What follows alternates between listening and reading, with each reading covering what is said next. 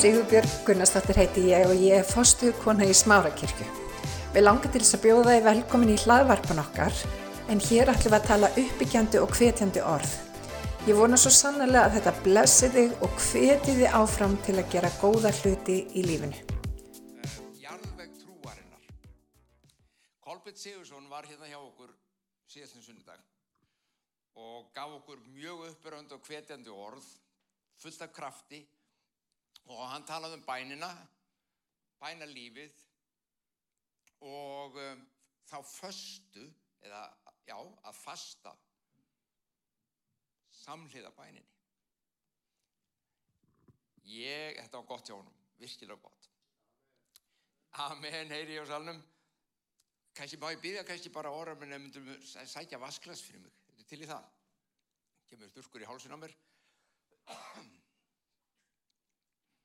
Um, ég ætla að tala aðeins um, ég ætla, ég ætla að reyna að vera hvetjandi. Er það í lagi? Fastan kemur það inn. Flest er sem hugsa, ó, fasta. Það er ekkert mjög hvetjandi. gaur. Það nennir enginn að fasta maður. Og um, breytir hins vegar engum það að bænin og fastan fjallar eða snerta mjög mikið. Um, þetta sem er í líf okkar sem heitir jarfugur trúarinnar.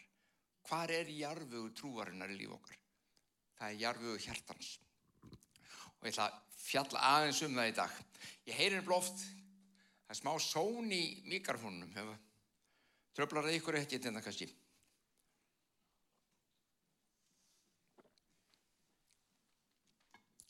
Ah, gott á vatn. Takk. Um, Ég heyri marga kristna oft segja, ég hef enga trú, eða ég hef svo litla trú. Og sem ég segi, ég er algjörlega trúlaus, ég sé Guð aldrei gera neitt. Þú veist, ég byð og ég byð og það gerist ekkert. Það er eins og ég hafi enga trú. Mér langar uppur ykkur, þó að það hljómi kannski ekki eins og uppurur, að segja að trúleysi er ekki það sama og vantrú. Trúleysi er nákvæmlega bara það sem orðið þýðir. Engin trú. Vantrú þýðir ekki það að þú sér trúlös. Þú getur á trú en af einhverjum ástæðum, og ég ætla að sína ykkur á orðinu, af einhverjum ástæðum eru hlutir að þvælast fyrir sem að orsaka eða valda vantrú í lífiðinu. Og þetta er leksíðan sem ég langar til þess að við skoðum í dag. Þú hugsa kannski strax, ó, þetta er ekki, Þetta er ekki, alltaf er ekki uppröðu með haldur, þetta er ekki beint uppröndi að vera að tala um það hvort að ég hafi trú og ég hef enga trú og, og að, að, að manntrúin sé að þvælast í fyrir í lífi mínu hugsalega, það sé ástæðan. En nú er mikilvægt að lesa og við byrjum að láta Jésús segja okkur það sem hann vil kenna. Er þið með? Markus fjórir, er þið ekki með þetta ekstra hérna? Sjá, á, Markus fjórir 13-20. Og hann sagði við þá, þið skiljið eigi þessa dæmisögun. Ég gleymi aldrei þegar ég las þessi, þessi orð Jésu. Þið skiljið ekki þessa dæmisögun, hvernig fáið þá skiljið nokkura. Dæmisegan sem hann hafði verið að segja var dæmisegan um sákornið og jarðvegin að sámaður fór út að sá, sá og sumt sæði fjall í harðagötuna og sumt fjall til hliðar við veginn og fugglarnir áttu það sumt fjall og þyrnarnir kæfðu það. Þið þekki þessa dæmis þetta er, þetta er ein af þekktustu dæmis um Jésu þegar ég eins og að sá þetta sem hann sagði ef þið skiljið ekki þessa dæmisögu hvernig fáið þið skiljið nokkura með öðrum orðum, þetta er, ein, þetta er grundvallar dæmisaga. Við verðum að skilja hana, því annars skiljum við bara ekkert af því hvernig trúalífi virkar eða hvað Jésús er að tala um. Sámaðurinn sáur orðinu, það vitum við. Sámaðurinn sáur orðinu, sákornið er sem sagt orðgvus. Það, hann er útstýran núna fyrir lærisönunum. Það hjá götinu þar sem orðinu var sáð, merkir það sem heyra en Satan kemur jafnstjótt og tekur burt orðið sem í þá var sáð. Eins og það sem sáð var í grítajörð. Það merkir þá sem taka orðinu með fögnuði um leiðu þeir heyra það en hafa enga rótfestu. Þeir eru kvikulir og er þrenging verður síðan eða ofsóknarinn orðsins bregðast þeir þegar. Öðru var sá meðal þyrna. Það merti þá sem heyra orðið en áhyggjur heimsins og tál auðafana og aðra gindir koma til og kefja orðið. Svo það bara engan ávöxt. Hitt sem var sáð í góða jörð. Merti þá sem heyra orðið, taka við því og bera þrítufaldan, sextufaldan og hundraðfaldan ávöxt. Þetta er fræg, fræg dæmisaga. Sákornið er Guðsorð, jarðvögurinn er hjartað okkar. Og öllu fremur ekki bara hjarta okkar, heldur ástand hjarta okkar. Í hvað stöðu er hjartað? Og nú ætlum ég að uppörfa strax með því að því að sumir segja, ég, ég, menna, ég er búin að trúa Guði fyrir þessu, ég er búin að gera þetta allt og, og ég er búin að játa þetta og ég, veist, það sé ekkert gerast. Svo Guð greinlega vill ekkert gera þetta. Tókst þetta dæmisögunni. Það hvort að áhugasturum var engin, lítill eða mikill, breytti engum það að þetta var Guðsvörð.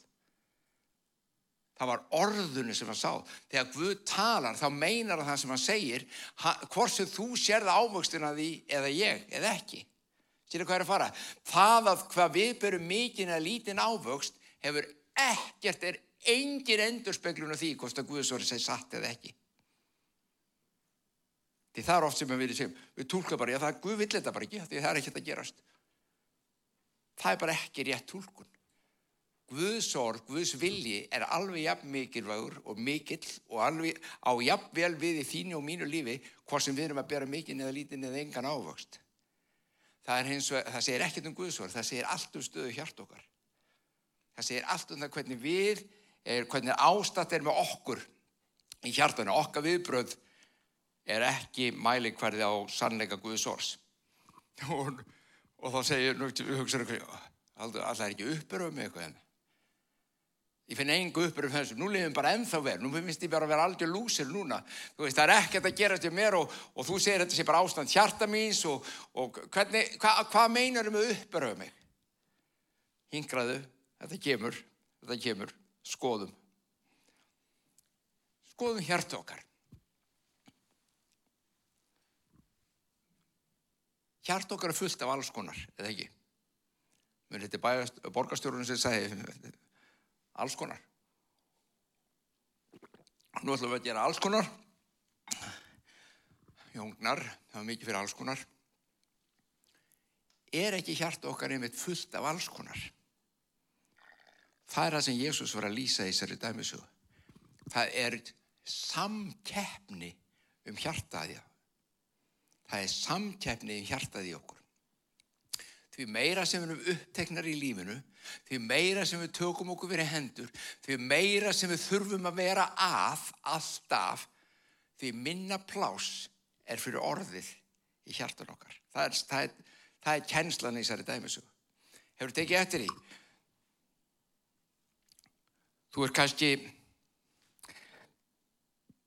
ok, það er nefnilega um dæmi, bara persónlega dæmi, hann gerðist fyrir mig.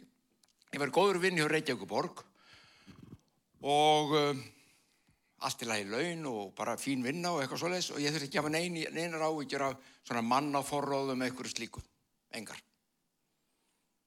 Fó bara heim, vinnan búinn, mætti daginn eftir, held að hann vinna.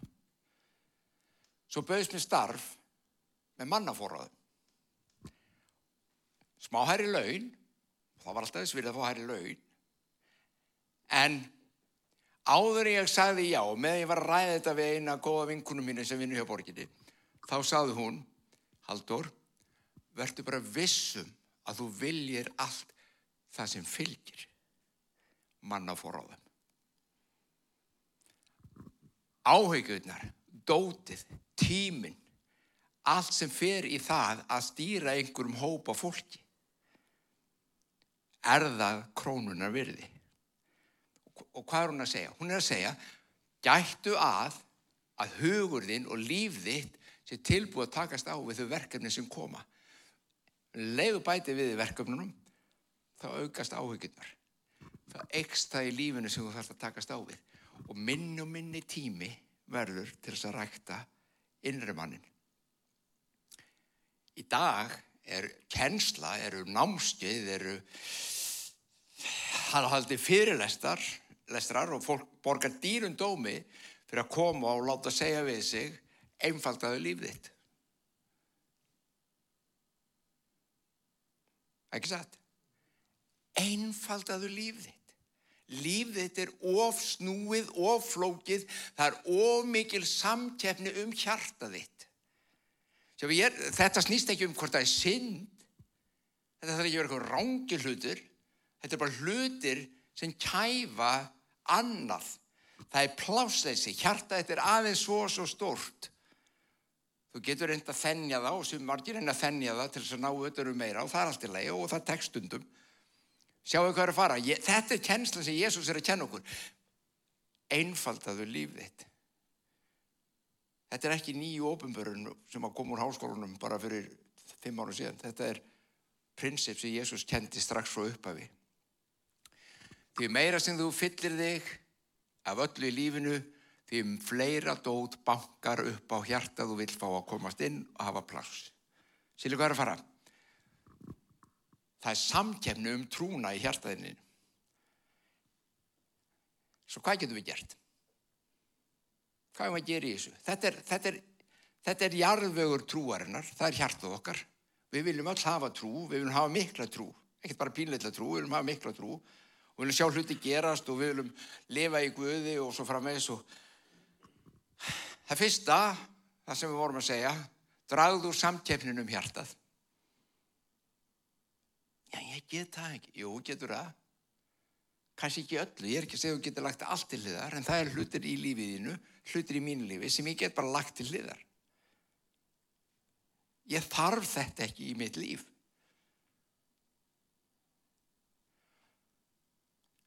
Eitt sem ég læri, ég er búin að segja ykkur þetta áður, eitt sem ég læriði fyrir einhverjum árum síðan, það er eitt, tökum til dæmis að þú lendir í því að, vera með tjáskipt á Facebook þú segir eitthvað einhver kemur og svara þér og það er, þú veist, menn er ekkert að voða penir alltaf á Facebook þeir bara vaða og valda yfir þig og hvað gerist innan með þér? Þú hugsaður jáður og settir fæsluna og nú farur sko tíu fæslur það sem er ráðust á þig fyrir að segja þetta sem þú sagðir hvað gerur þá þú fyrir vörn þú byrjar að skrifa á móti og standa á þínu hafa rétt fyrir þér ég þarf þetta ekki. Ég þarf ekki einu svona að hafa rétt fyrir mér. Ég, ég, ég, ég set nánast enga svona fæslu í þessum anda á Facebook og ef ég gerir það, þá er ég búin að ákveða laungáður að ég mun ekki svara neitni sem kemur. Ég mun ekki fara í neina rökraður á Facebook um þetta.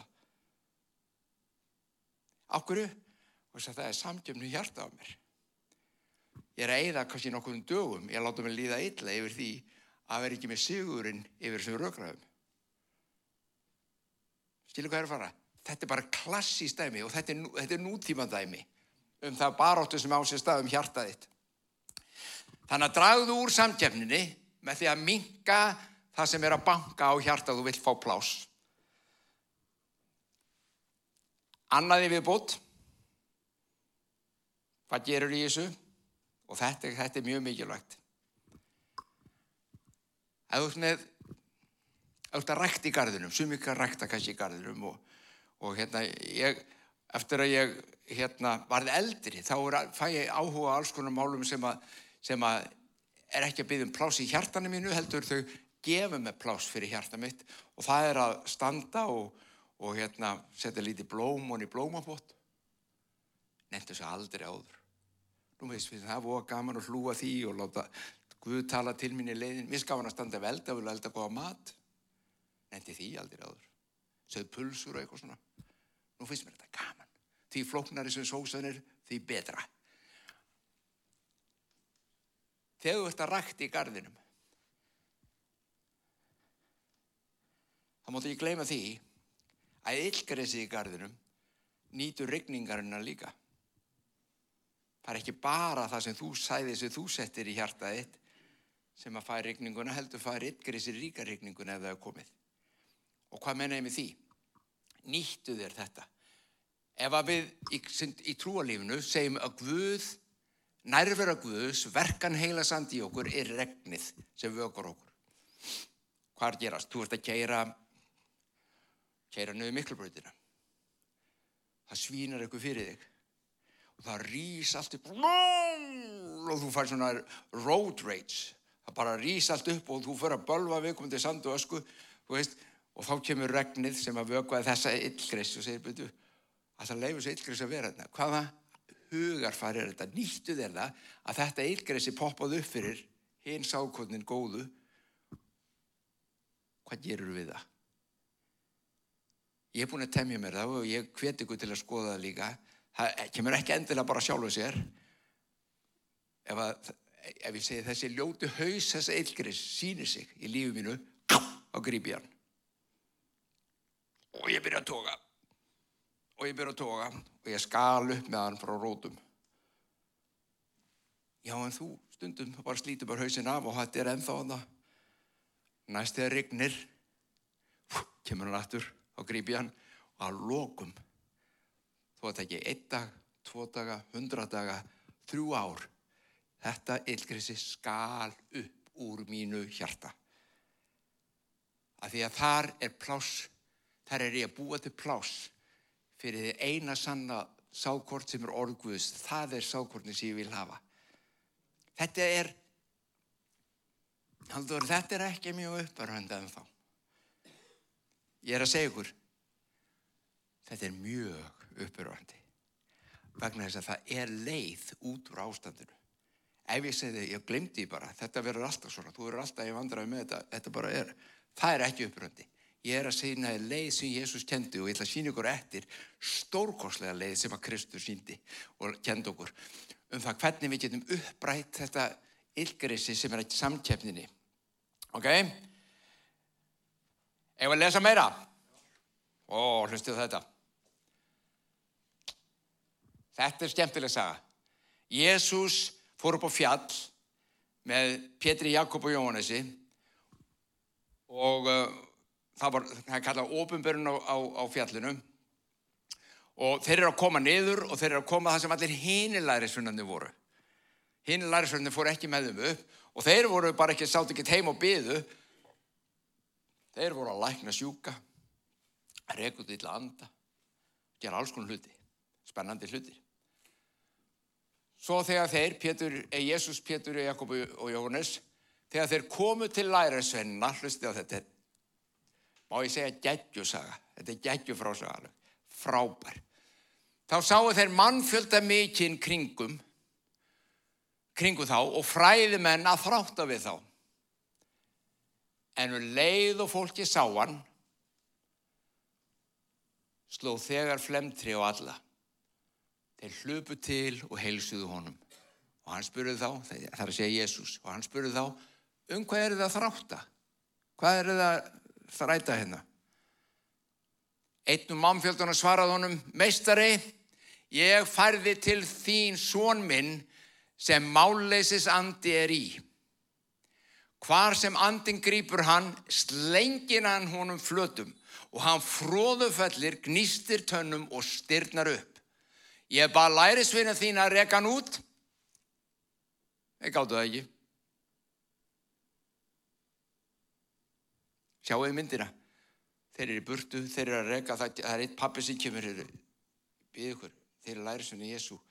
Strákurum minn, hann er mállaus og ekki bara er hann mállaus, það er andi, yllur andi krein honum því hann flegir honum í jörðina. Hann flegir honum og hann fróðufellir. Og þeir reyndu að reka þennan and út en gátu það ekki. Hvað segir Jésús? Ó, þú vann trúa kynsluð. Ertu ekki uppuröði? Ó, þú vann trúa kynsluð. Hversu lengi á ég að vera, með, vera hjá ykkur?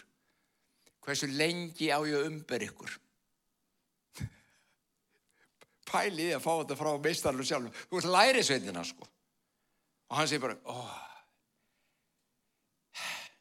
hvað við gera með ykkur strákar? Hann vissi nákvæmlega hvað var í gangi og hann var að fara um það byrja að fara að kenna þeim mikilvægastu leksíu sem ég gáður lært og hún tengist því sem við erum búin að vera að tala um. Hversu lengi á ég umbyrða? Færið hann til mín, komið með strákin sem settur enginn, þeir farðan þá til Jésu og hvað gerir andin í drengnum? Um leið og andin sá hann, tegði hann drengin ákálega, hann fjallti í jarðar, veltist um og fróðufeldi. Hafið eitthvað pælt í því? Akkur hann gerir þetta þegar hann sá Jésu? Áhverju? Þetta virkaði á lærisveinuna sjöðu. Hann gerir þetta fyrir fram að þá og þeir gáttu ekki gert neitt. Það pröfði þetta á Jésu. Gerir alveg sama triksið fyrir fram að Jésu vita hvort það myndi ekki virka á sama hátt. Jésús spurði þá föðu drengsins, hver lengi hefur hún liðið svona? Og hann sagði, frá bernsku, frá barnæsku. Og oft hefur hann kastað honum bæði í eld og vatn. Hugsið ykkur lífið sem litli drengurinn hefur þurft að þóla. Og fóreldrarnir og allir í kring, fjölskyldan. Þetta stjálfilegt. Hann hefur kastað honum í eld og vatn til að fyrirfara honum. Svo kemur þessi setning. En ef þú getur nokkuð, ef þú getur gert einhvað Jésús, sjá þá auðmur á okkur, síndu meðömkun og hjálpað okkur. Jésús sagði við hann, ef þú getur, ef þú getur, sá getur allt sem trúir.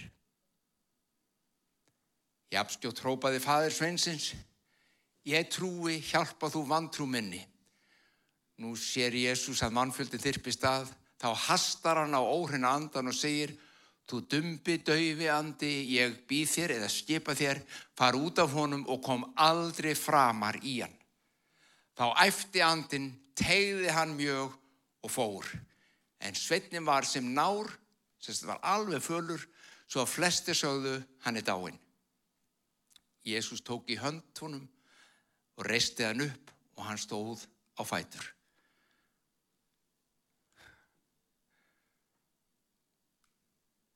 Nú kemur leksíðan. Jésús er dásalum. Munu þetta sem ég las fyrst. Hann sagði þeim dæmisögunum sákotnið. Og muni þetta eru lærisönnum hans. Hann kendi þeim hluti sem var ekkert að tala um kannski við aðra. Og þeir, þegar þeir voru einu með honum þá sagði hann þeir skilji ekki þessa dæmisögustrákar. Og svo útskýrðan hana. En þeir verði að skilja hana því hún stiftur öllu máli fyrir líf okkar, fyrir trúna. Þeir verði að skilja hana. Núna, þegar Jésús var komin inn og var orðin eitt með lærisunum sínum, nú kemur leksjan. Nú kemur það sem við fáum að njóta, sem að fólki í kring fekk ekki að njóta þá, finnir sínt og síðan meir. Við fáum að njóta núna og þeir spyrja náttúrulega eðlilega, hvers vegna gáttu við ekki reykjaðan út? Veit þið hvað við myndum að gera í nútíma kristendónum? Um, uh, Guð bara, ég hugsa að Guð sé bara hættur að reyka út í landa. Þetta er bara búið. Þetta var bara í frumkirkjunni. Við komum með guðfræðlegar útstýringar okkur kraftaverkin gerast ekki. Okkur líður illa þegar við höldum einhvað eigi að gerast og sjáum eitthvað gerast og það gerist ekki í okkur. Og þá fyrir við að leita útstýringa. Það var ekki það fyrsta sem að þeim dætt í hug. Já, nei, hann Guður, hann gerir þetta ekki bara í gegnum okkur lengur, hann gerir þetta bara í gegnum Jésu. Það var ekki neinn nein pæling, heldur bara strax. Okkur gáttu ekki gert þetta. Hvað var það sem gerði það verkum að við gátum ekki gert þetta? Hann mælti. Þetta kyn verður eigir ekkið út nefnum með bæn og föstu.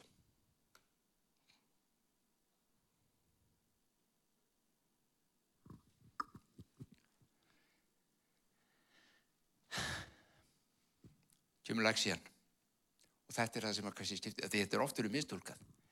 Þetta kyn kemur ekki út nefnum með bæn og föstu. Og flestir hafa tólkað í gegnum tíðina, þetta kyn af yllu manda kemur ekki út nefnum með bæn og föstu. En það er ekki það sem Jésús er að kenna. Hvað var, var ylli andin eitthvað, ylli andin var vandamál fyrir hvern? Það var vandamál fyrir pappan, fyrir drengina sjálfsögðu. Var hann eitthvað vandamál fyrir Jésú? Ekki neitt. En Jésús var ekkert að, hann var ekkert að fasta og byggja fyrir honum. Ylli andin var ekkert að kippa, ég get alveg lofa ykkur því, ylli andin að kippa sér ekki fyrir það þó þú sér svangur. Þú getur komið til að hungra eftir fymta á föstu og þeir hlæja bara. Að þetta snýst ekkert um það að þú sér svangur. Jésús hafði ekki fastað, en, ekki þarna, en hann var með lífstíl af föstu. Þetta kyn vantrúar sem þið höfðu þarna drengir það þið gáttu ekki reykjaðan út var vantrún í hjart ykkar. Það var of mikið af öðru dóti í hjartanu. Þið lituð illananda þið lituð hvað hann gerði við drengin og ytri sín tók yfir innri sín þið hættuð að trúa því sem þið vissuð í hjart ykkar og sáuð að þetta var mannlega séð ómögulegt og þið trúðuð því Þannig að vantrúin tók yfir í hjart ykkar og það kyn vantrúar sem þið eru núna að berjast við kemur ekki út nefnum með bæn og föstu hjá ykkur. Með öðrum orðum, þú ert ekki, þú rekur ekki vandamáli sem er í kringu því sem þú ætlar að lækna eða leysa eða losa þig við, þú rekur það ekki út með bæn og föstu. Þú rekur út vantrún á þér með bæn og föstu. Þú tætir upp yllgresið í hjartanum þínu sem er að kæfa orðið þegar þú byður og fastar. Þú hættir að horfa á einn ytra, hinn náttúrulega og hvað er að gerast í kringu þig. Þú hættir að horfa áhyggjur heimsins og þessa hrikalögu stöðu sem er með þennan litla dreng sem þú gæst ekkert mannlega séð gert í. En þú vissir innstinn í hjartanu þínu að þá gæt Guð gert þetta. En þú náður ekki að fara inn og sækja það vegna þess að það var annað sem var að kæfa.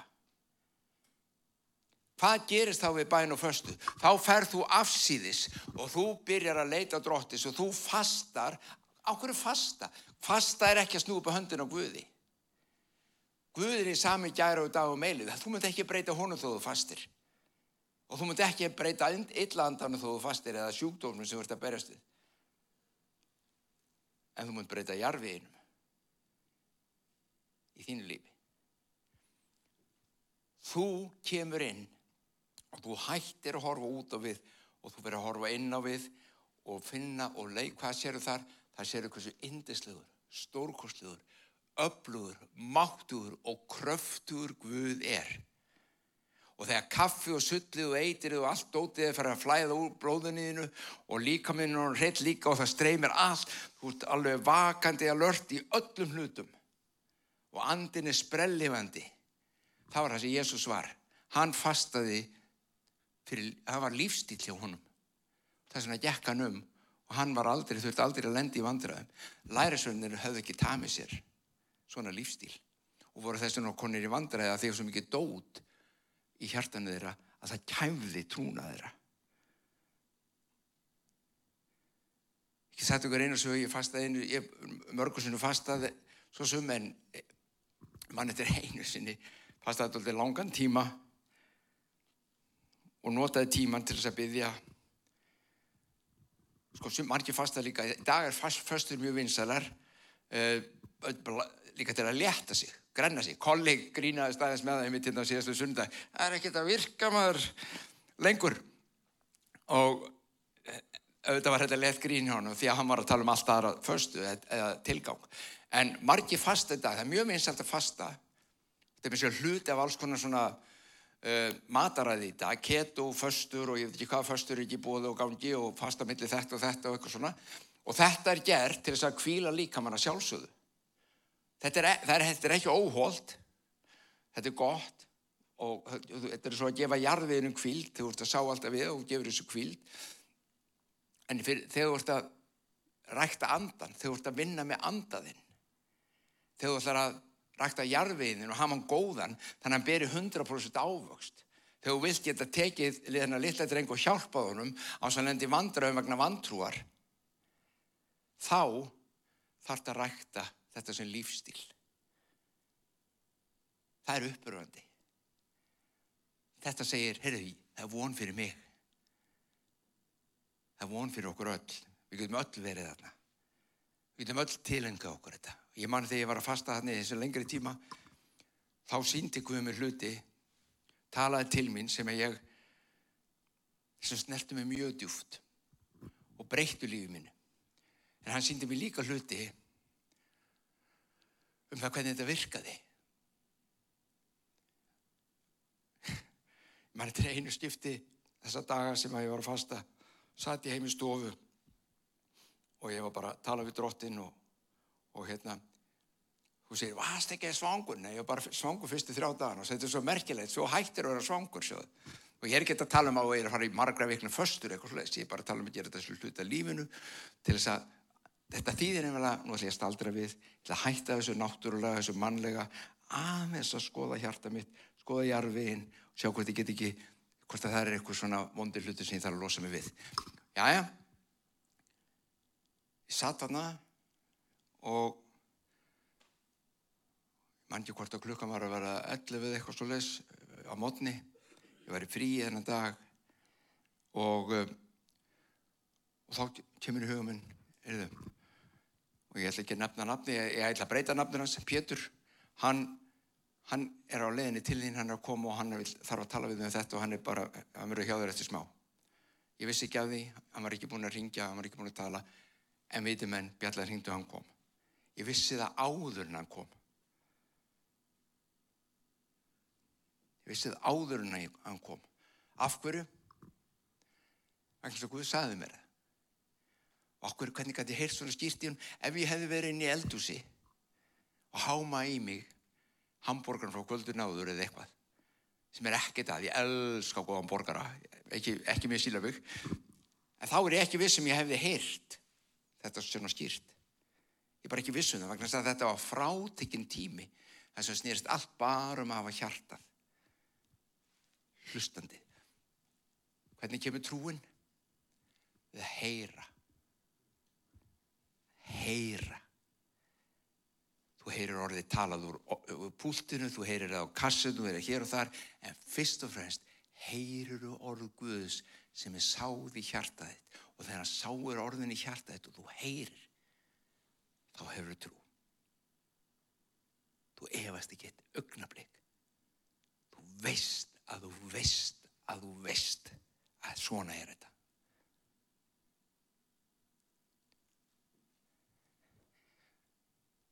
Þannig að mantrú myndi það þarf ekki.